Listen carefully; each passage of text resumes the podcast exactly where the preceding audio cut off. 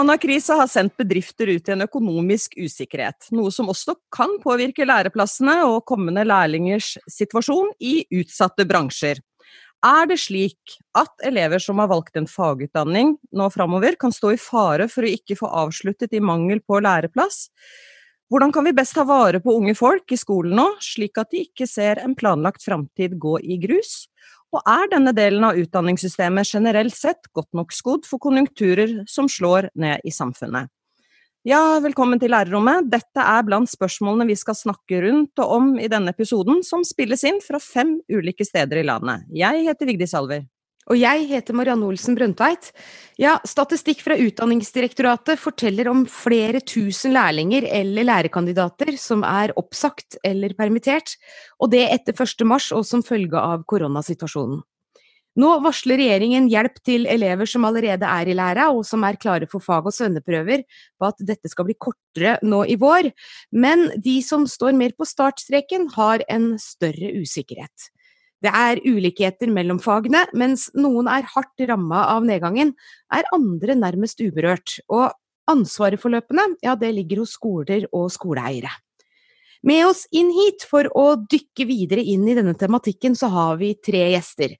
Vi sier velkommen til fagopplæringssjef i Rogaland, Katrine Utne Pettersen. God morgen. Og velkommen til deg, Dina Gaupseth. Du er lærer ved Kristiansund videregående skole innen restaurant og matfag. Ja, hei. Og sist, men ikke minst, velkommen hit til deg, Jonny Wang Pam. Du er 18 år og elev i Kuben videregående skole i Oslo, der du nå skal avslutte VG2 på elektro, kulde og varmepumpeteknikk. Hei, hei. Og eh, Jonny, veiene som en kan ta til fagbrev er jo mange, men eh, hovedløpet er to år på videregående skoles opplæring, og deretter to år i lære i bedrift. Og Jonny, du skal jo egentlig ut i lære nå. Har du fått en læreplass? Nei, ikke akkurat nå. Jeg var på et firma før alt koronakrisen skjedde. Og det ble litt vanskeligheter når jeg var midt i utplasseringen. Så fikk jeg en melding fra sjefen der at jeg ikke får lov til å komme ut i utplassering lenger pga. korona. De vil helst at uh, alle som jobber i firmaet, ikke møter opp på kontoret eller jobber sammen i grupper da, eller kjører sammen. da. Så da fikk jeg dessverre ikke lov til å komme mer. Ja, Så plutselig så ble altså det du hadde sett for deg, snudd på hodet. Og hva gjør du nå, og hva har du gjort for å prøve å skaffe deg en, eh, en annen læreplass, kanskje? Det jeg har gjort, er å prøve å søke nye firmaer som uh, i hvert fall har starta opp, eller større firmaer som har flere folk som jobber i, da, som mulighet sånn at jeg kan også gå ut og prøve å bli lærling hos, da. har større sjanse for meg. Uh, I midlertiden har jeg også jobbet eh, deltid i en sushibutikk eh, ved siden av, da.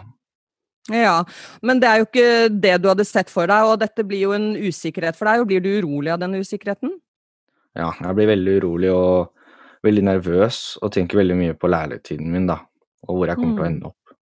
Men har du tenkt noe videre på planer framover? Hva, hva, hva, skal du gjøre hvis dette ikke ordner seg? Har du vurdert å gå over til påbygg og få studieforberedende f.eks., eller hva tenker du? Jeg har ikke kommet til den tanken enda. Uh, jeg tenker fortsatt å prøve å finne læreplass da, til etter sommeren. Og se hvordan ting går gjennom sommeren da, først, før jeg vurderer å ta noen av de valgene der, da. Det er jo fylkeskommunene som har ansvar for at elever og lærlinger får fullført opplæringa, og der sitter du Katrin Utne Pettersen.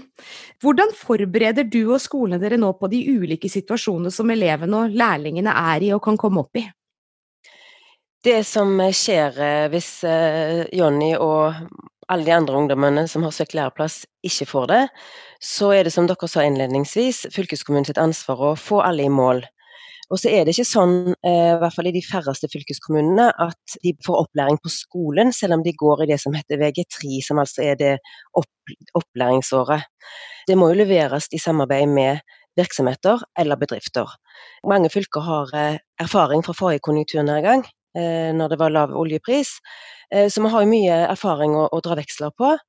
Det er den måten vi forbereder oss på. Vi er i dialog med kommuner og det som heter opplæringskontor. Det er der mange lærebedrifter er medlemmer, for i, i samarbeid å, få eh, gitt et tilbud til alle søkerne til læreplass. Ja, disse erfaringene som du snakket om her, som dere fikk i forrige runde, hvis du kort kan oppsummere, hva slags erfaringer er det? Eh, I de fleste fagene så gikk det veldig greit. Det vil si at det, du, får, du blir elev, og det er jo en kjempeskuffelse for de som har sett for seg å være lærling og arbeidstaker og få lønn. Så du får ikke lønn. Du eh, blir elev i en skole, men du er veldig lite på skolen. For skolene har jo verken plass utstyr eller kompetanse på den VG3-læreplanen. Så da var det mange bedrifter og kommuner som stilte sine sykehjem, barnehager og bedrifter til disposisjon. Så fikk elevene opplæring av fagfolk ute i bedrift. Mange var jo veldig skuffa. En del av elevene, søkerne sa nei takk, for de ville heller vente på bedre tider. Og hvis vi skal oppsummere, hvorfor er det best å få opplæring i bedrift for en som går på yrkesfag? Det er der det skjer en reell produksjon. Vi har altså 180 lærefag. I de fleste fylkene er det representert en 130-40 lærefag. og det vil si at når du da har fagbrev i et fag, så er du instruktør i bedrift og kan eh, gi opplæring i akkurat det faget. Og så er det jo dette eh, søkerne sett for seg. De har sett for seg å være på en arbeidsplass. Det å få lønn. Fordi at det å få opplæring i bedrift handler jo om mye mer enn faget. Det handler om å bli eh, klargjort som en arbeidstaker. Veldig mange blir skuffa hvis en da sier at nå skal du være på skolen i ett år til. Dina Gaupseth, som lærer, hvor viktig er samarbeidet nå mellom skolen og fylkeskommunene for å hjelpe elever som ikke får læreplass, eller som har mista den de trodde de hadde på hånda? Ja, det er jo ofte det at det er um, den enkelte faglærer eller den som har um, faget yrkesfaglig fordypning, da, som har den tette samarbeidet med de enkelte bedriftene. Uh, og kjenner dem veldig godt. Og det er jo gjennom YFF at um, elevene får en sånn forsmak på det å jobbe ute i bedrift. Og det er klart at uh, samarbeidet mellom faglærerne i, i faget yrkesfaglig fordypning og fylkeskommunen er vel essensiell nå i den tida som vi står foran oss, for å få ut flest mulig elever ut i bedrift. Men det kan jo være en, en god løsning å kanskje være litt uh, mer kreativ og, og, kanskje ikke stille så sterke krav til alle bedriftene. At man, man, blir litt mer fleksibel i den tida som er fremover nå. At man kanskje elevene også har muligheten til å være på to forskjellige bedrifter, sånn at det, man på en måte øker den fleksibiliteten i utdanningsløpet videre fremover. Er dette en vei dere har begynt å gå på? Egentlig ikke. Det er litt for tidlig i, um, i løpet. For vi har um, Det har vært ganske hektisk den perioden vi har uh, stått inn i. Men uh, sånn som på skolen til oss, da, så gikk jo vi rett inn i en uh, treukersperiode hvor elevene skulle være utplassert. Vi skulle jo egentlig reise til Frankrike og ha seks elever der. Slik at den klassen som vi har på VG2 på restaurant og matfag, skulle bare være en syv elever som vi skulle ha utplassert. Mm. Uh, og det var en periode som skjedde rett etter påske, da. Uh, vi har jo fått utplassert elever i andre bedrifter som da ikke tar imot lærlinger. Og det har jo vi på en måte bare vært nødt til å gjort. Verdensbildet endrer seg jo til stadighet nå. Vi ser jo at flere og flere restauranter åpner opp begrensa åpningstid den perioden som vi er inne i nå. Men jeg ser jo positivt på framtida, i hvert fall innenfor oss sitt utdanningsprogram, da. Mm. Ja, du snakket om eh, kreativitet her og finne nye veier, og innledningsvis så hørte vi Jonny fortelle. Hva, hva tenker du at elever generelt sett kan gjøre selv? Er de klare for det ekstra ansvaret som eh, legges på dem? Ja, de aller fleste tror jeg er det. Det er jo klart at elever som um, må ta den, uh, det ansvaret sjøl, uh, så er de jo blitt 18 år da, når de er ferdig med VG2, i hvert fall i løpet av året. Så de aller, aller fleste vil jo være det. Men mm. selvfølgelig, skoleverket i dag har veldig mange ulike elever. Det er ikke, det er ikke en entydig masse som går på skolen i dag. Vi har voksne elever, vi har de som kommer fra andre land. Og det er klart at um, vi står overfor uh, en del alternativer. Og jeg tror nok det at kanskje også samfunnet for øvrig må trø til og gi litt støtte til veldig mange elever. Men merker du at denne situasjonen pirker borti elevenes uh, motivasjon? Hva kan du som lærer gjøre for å holde motivasjonen oppe? Ja, eh, vi står jo nå eh, inne i en periode hvor vi får elevene tilbake igjen. Vi må jo si at de må være tålmodige.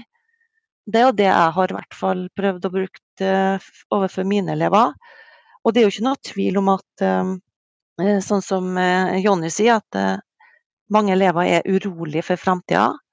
De ser jo for seg nå en periode fremover etter sommerferien at de står uten arbeid, står uten inntekt. Og kanskje også uten muligheter for å få seg jobb framover. Det skaper veldig mye urolighet.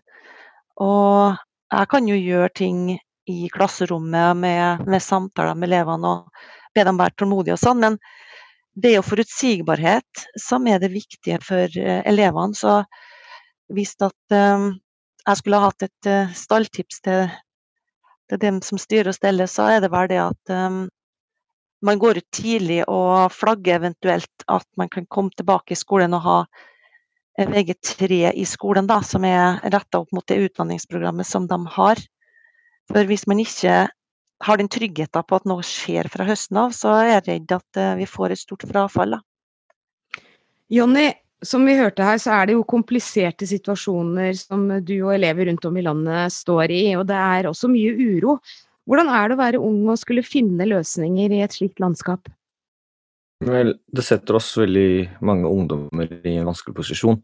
Uh, mange sliter allerede på skolen f.eks.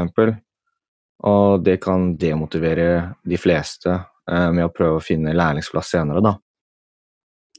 Eh, det har vært mange også som jeg kjenner til, som har prøvd å eh, på en måte snu livet sitt, og som har slitt med skolen, men prøver å komme seg tilbake igjen på riktig spor. Og så skjer det her og gjør det veldig vanskelig for mange elever da, å prøve å fortsette videre, da. For eksempel meg, i det tilfellet, så jeg, slet jeg litt med skolen. I siste halvår så har jeg prøvd å snu det og komme meg på bra vei. Eh, som i det firmaet jeg var i tidligere, så jobbet jeg også ekstra tid og gratis i vinterferien frivillig for å vise at jeg var interessert, som jeg faktisk er, og prøve å komme meg videre i et firma som vil akseptere meg, da. Men hvis du da skal snakke litt om hva du og andre elever trenger fra læreren og skolen da for å stå med rak rygg i dette, hva, hva vil du si da? Prøve å gjøre det beste ut av det vi har, og det vi er mulig. Eh, det skolen min har fått til da, på Kuben, er da å dele elevene opp i små grupper og ha fortsatt skole, så vi kan bli ferdig med anlegget vårt, da, som yrkesfag mesteparten gjør nå. Eh, dele opp i små grupper, så har vi skole i to timer. Og så renser lærerne alle utstyrene og gjør det klart til neste klasse. Så det syns jeg er en veldig bra løsning, fordi da har vi ikke mistet så mye tid som alle andre. Ja, Dina Gauseth, er det noe du, du, som lærer og skolen kan gjøre for å bidra til at elever som ikke får læreplass, likevel får en god opplæring i skole framover nå? Ja, det var kanskje fylkeskommunen som, eh, som har det ansvaret. Da. Og eh, VG3 i skole må jo være retta mot det utdanningsprogrammet som eh, eleven har tenkt å fortsette med. Vi er veldig skeptiske til at tilbudet blir VG3 påbygg for de mm. elevene som ikke får læreplass. Mm. Det vil være veldig, veldig negativt for yrkesfag fremover. Mm. Og sånn som ble sagt innledningsvis uh, fra Katrine òg, at um, det mangles jo spisskompetanse uh, på VG3-nivå i skolen. Og ikke minst utstyr. Så hvis vi skal ha VG3 i skole, så er vi kanskje avhengig av uh, litt ekstra midler for å få litt annet utstyr inn i skolen. Og um, kanskje også må vi nødt til å hente inn litt spisskompetanse ut fra næringslivet i perioder. Det er klart at det er jo lærerne som er eksperter på opplæring. Og en del av um, de metodene som skal brukes innen eh, de forskjellige fagområdene, det kan jo læreren eh, som er i dag gjøre. Men um, det kreves en uh, litt annen måte å jobbe på for at vi skal være litt mer autentiske i forhold til det å være ute i bedrift, da. For det er jo det elevene ønsker. Og det er jo ikke kjekt for elevene å si at nei, du må tilbake til skolen. Så her er vi nødt til å være kreative, eh, slik at de ikke får en følelse av at vi, vi har på en måte dumpa. Sånn at eh, vi må skape autentiske, mer autentiske situasjoner eh, på VG3-nivå enn hva vi har på VG1 og VG2. Ja, du har nevnt eh, frafall som en mulig konsekvens, og du har nevnt eh, andre ting. Er det noe annet du kommer på som kan være konsekvenser som permitteringer og hevede lærekontrakter for skolene kan få? Nei, Det er et tema som ikke vi har drøfta så veldig mye. Um, men det er klart at um, fylkeskommunen har jo ansvaret for opplæringa til elevene, så de må jo nødt til å starte VG3 i skole hvis eh, vi står med veldig mange elever uten læreplass. Og da håper jeg jo virkelig at de eh, gir et tilbud til de aller fleste. Da. Jeg skjønner jo at det, at det kan være kanskje små utdanningsprogram på VG3 de ikke kan ha inn i, skolen. Men eh, de har jo en oversikt over hvilke utdanningsprogram elevene har søkt på. Sånn at det skal være veldig mulig å få til en eh, opplæring i skole for de aller, aller fleste. Katrine Utne Pettersen, om denne situasjonen vedvarer eller skulle tilspisse seg igjen, og langt flere yrkesfagelever må da ta VG3 i skole i stedet for ute i bedrift, hva mener du som fagopplæringssjef det er viktig å gjøre for at skolene skal gi disse elevene best mulig opplæring? Hva vil eh, du gjøre? Jeg tror eh, forrige innleder sa, eh, pekte veldig eh, godt på det, og det handler jo om samarbeid skole-næringsliv. Sånn at elevene føler seg ivaretatt og har et sted der de hører hjemme, og der de vet at de skal møte opp hver dag, og at det ligger en god plan. Men det er helt essensielt at det blir en veksling mellom opplæring i bedrift og opplæring på skole. For det, det er jo veldig lite teoretisk, omtrent ingenting teoretisk opplæring i VG3. Det er litt ulikt fra fag til fag, men det er den praktiske opplæringen. Hva er beskjeden din da til det lokale næringslivet, hvordan kan dere samarbeide eller legge til rette for at bedriftene holder lærlingene og vil også ta inn flere kanskje i tida framover? Ja. Nå er det jo sånn eh, i Norge at lærlingen som regel er den siste som går ut døra når det er krise. Og så er det jo sånn at eh, i mange fylkeskommuner så ser vi nå at antall permitterte lærlinger går ned. Eh, for nå løsner det. Men det som er utfordringen nå, er jo at alle som skulle opp til en fag- eller svenneprøve, i løpet av eh, den tida vi har eh, i vår, 2020. Eh, de blir jo stoppa, men nå er jo det åpna for at vi kan avvikle prøver igjen. Så utfordringen for lærebedriftene er jo at de må jo vente til de lærlingene de allerede har er ferdige, før de kan ta en nye. Og så er det selvfølgelig å oppfordre til å snu hver stein, om en kan strekke seg litt lenger for å ta en lærling til enn det en hadde planlagt. Og så er det faktisk sånn at uh, hvis vi skal ta eksempel fra Rogaland fylkeskommune som svær, et svært fagopplæringsfylke. Hvis vi ser på de tallene som, eh, over de søkerne som har fått avtale om læreplass, så er det helt likt som et normalår. Og så er jo utfordringen hva vil høsten vise? Er den bedriften der fremdeles? Ser han seg i stand til å gi opplæring? Eller er det i verste fall, altså det i verste fall konkurs? Men det er fremdeles veldig usikkert. Ja, for du sier her, du peker på utrolig mange usikkerheter som ingen kan si noe om. Hvordan er det å, å navigere i det? Hvis en tenker fra elevens side, så, så, er det jo så, så ble sagt tidligere her at de fleste skolene er jo klar over eh, alternativet VG3. Eh, og det er jo veldig viktig å understreke at alle får et tilbud. Alle vil få et tilbud om å gå VG3. Og så eh, er det jo sånn at det er ikke alle som vet hva det er, og forklarer det godt. Eh, og vår erfaring i Rogaland er jo at vi, når, når, noen sa nei til det tilbudet, så ringte vi jo opp til alle. Eh, så det er å være tett på hele tiden eh, for å sikre at alle er informert, og at alle føler seg ivaretatt, og at du faktisk kommer i mål med et fag- eller senderbrev. Frykter du at konsekvensen kan bli et større frafall blant yrkesfagelever? Det kan skje fordi at mange velger vekk dette når det ikke ble sånn som de hadde tenkt. Og det året i ungdom, en ungdomsliv, det er ganske langt. Eh, så det å, og oppfølgingstjenesten eh, er jo til stede i hvert eneste fylke. Og det at en hele tida at de voksne tar ansvar eh, og ringer og følger opp, sånn at en til enhver tid vet hvor, hvor disse søkerne, disse ungdommene, er. Ja, Dina Gaupseth, før korona og før dette så har jo søkningen til yrkesfagene vært større enn tidligere.